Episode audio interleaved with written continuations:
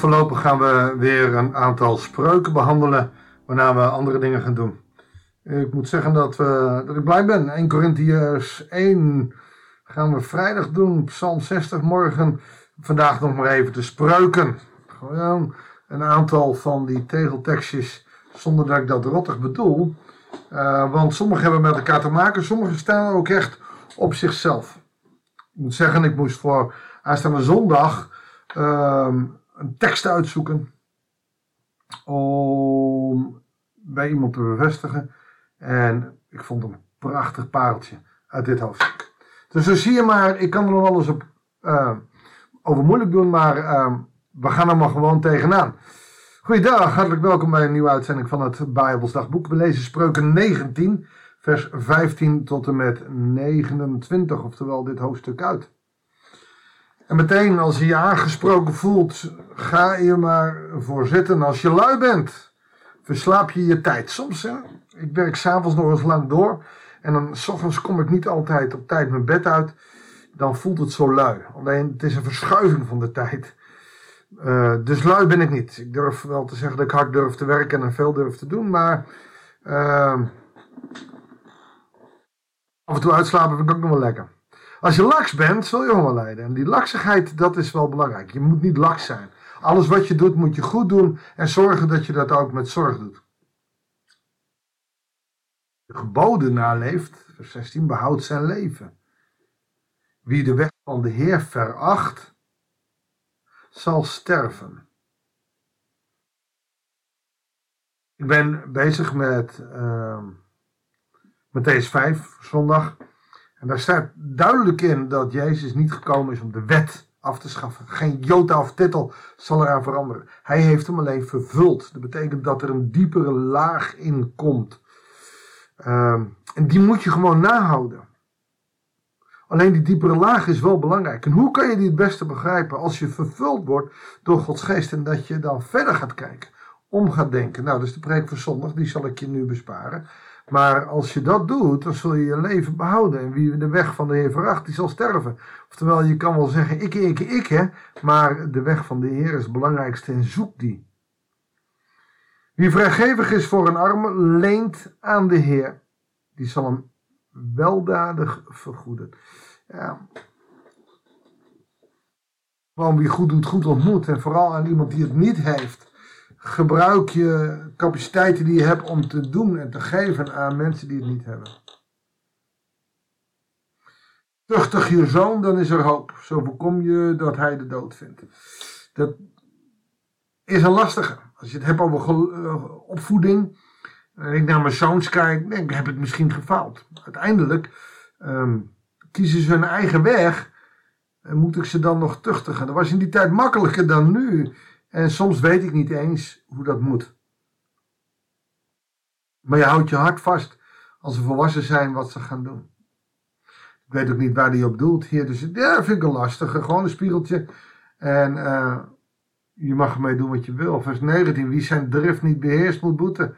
Als je hem ontziet, wordt het alleen maar erger.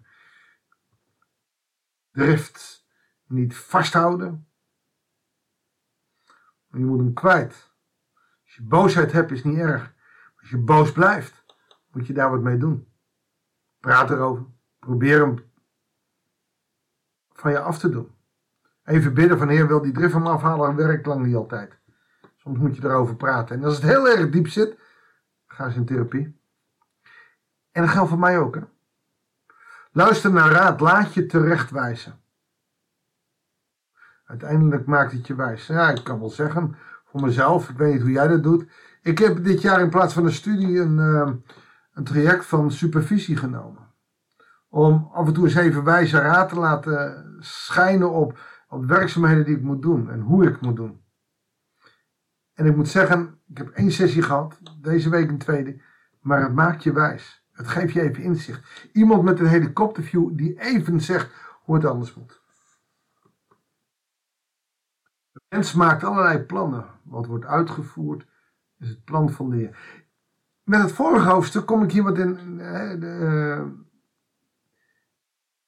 een mens maakt in zijn eigen weg altijd, uh, kiest altijd zijn goede weg en God ziet het hart aan. Alleen nu wordt er gezegd, de mens maakt allerlei plannen. Wat wordt uitgevoerd is het plan van de Heer. En die kan ik dus niet plaatsen. Is het dan zo dat wij gewoon alles maar kunnen doen en dat Gods eh, zegen daarover rust? Nee, natuurlijk niet. We moeten natuurlijk altijd wel allerlei plannen maken, maar wel in het kader van het koninkrijk. Of hè, wat, wat is de wil van de Hemelse Vader? Want niet alles wat de mens doet, of welke plannen je maakt, is, is een uitvoering iets van de Heer. Doe het in ieder geval met de Heer. Trouw is voor de mens het hoogste goed. Je kunt beter arm dan onbetrouwbaar zijn. Ja, dat wordt in de wereld, in de maatschappij niet zo gezien. Tegenwoordig is beter rijk en onbetrouwbaar. Maar arm is beter dan onbetrouwbaar. Want trouw is het belangrijkste wat God ons geven wil. En hier een interessante, want daar ben ik al een half jaar of een jaar mee bezig. Ontzag voor de Heer beschermt je leven. Je kunt rustig gaan slapen en je overkomt je niets. Maar hoe kunnen we ontzag voor de Heer in deze tijd hebben? Ik vind dat best een issue. Is dat met die tucht? Hoe dan? Ontzag voor de Heer. Ik vind het belangrijk. Ik, vind, ik ben er zelf mee bezig nu ook door de naam. Een Jood die spreekt de naam van God niet uit, de JHWH. Adonai, dat zijn de klinkers die je er uh, tussen kan zetten. Maar, maar Jaweh zullen ze niet zeggen. En, en dat, dat heeft iets moois. Want daar klinkt heel veel ontzag in. En vanuit dat ontzag ook de vrezen de zeer. Niet angst. En ik doe het in mijn broek voor. Maar, maar wel ontzag. Want God is een God van liefde. Maar in zijn recht en gerechtigheid kan hij heel streng zijn.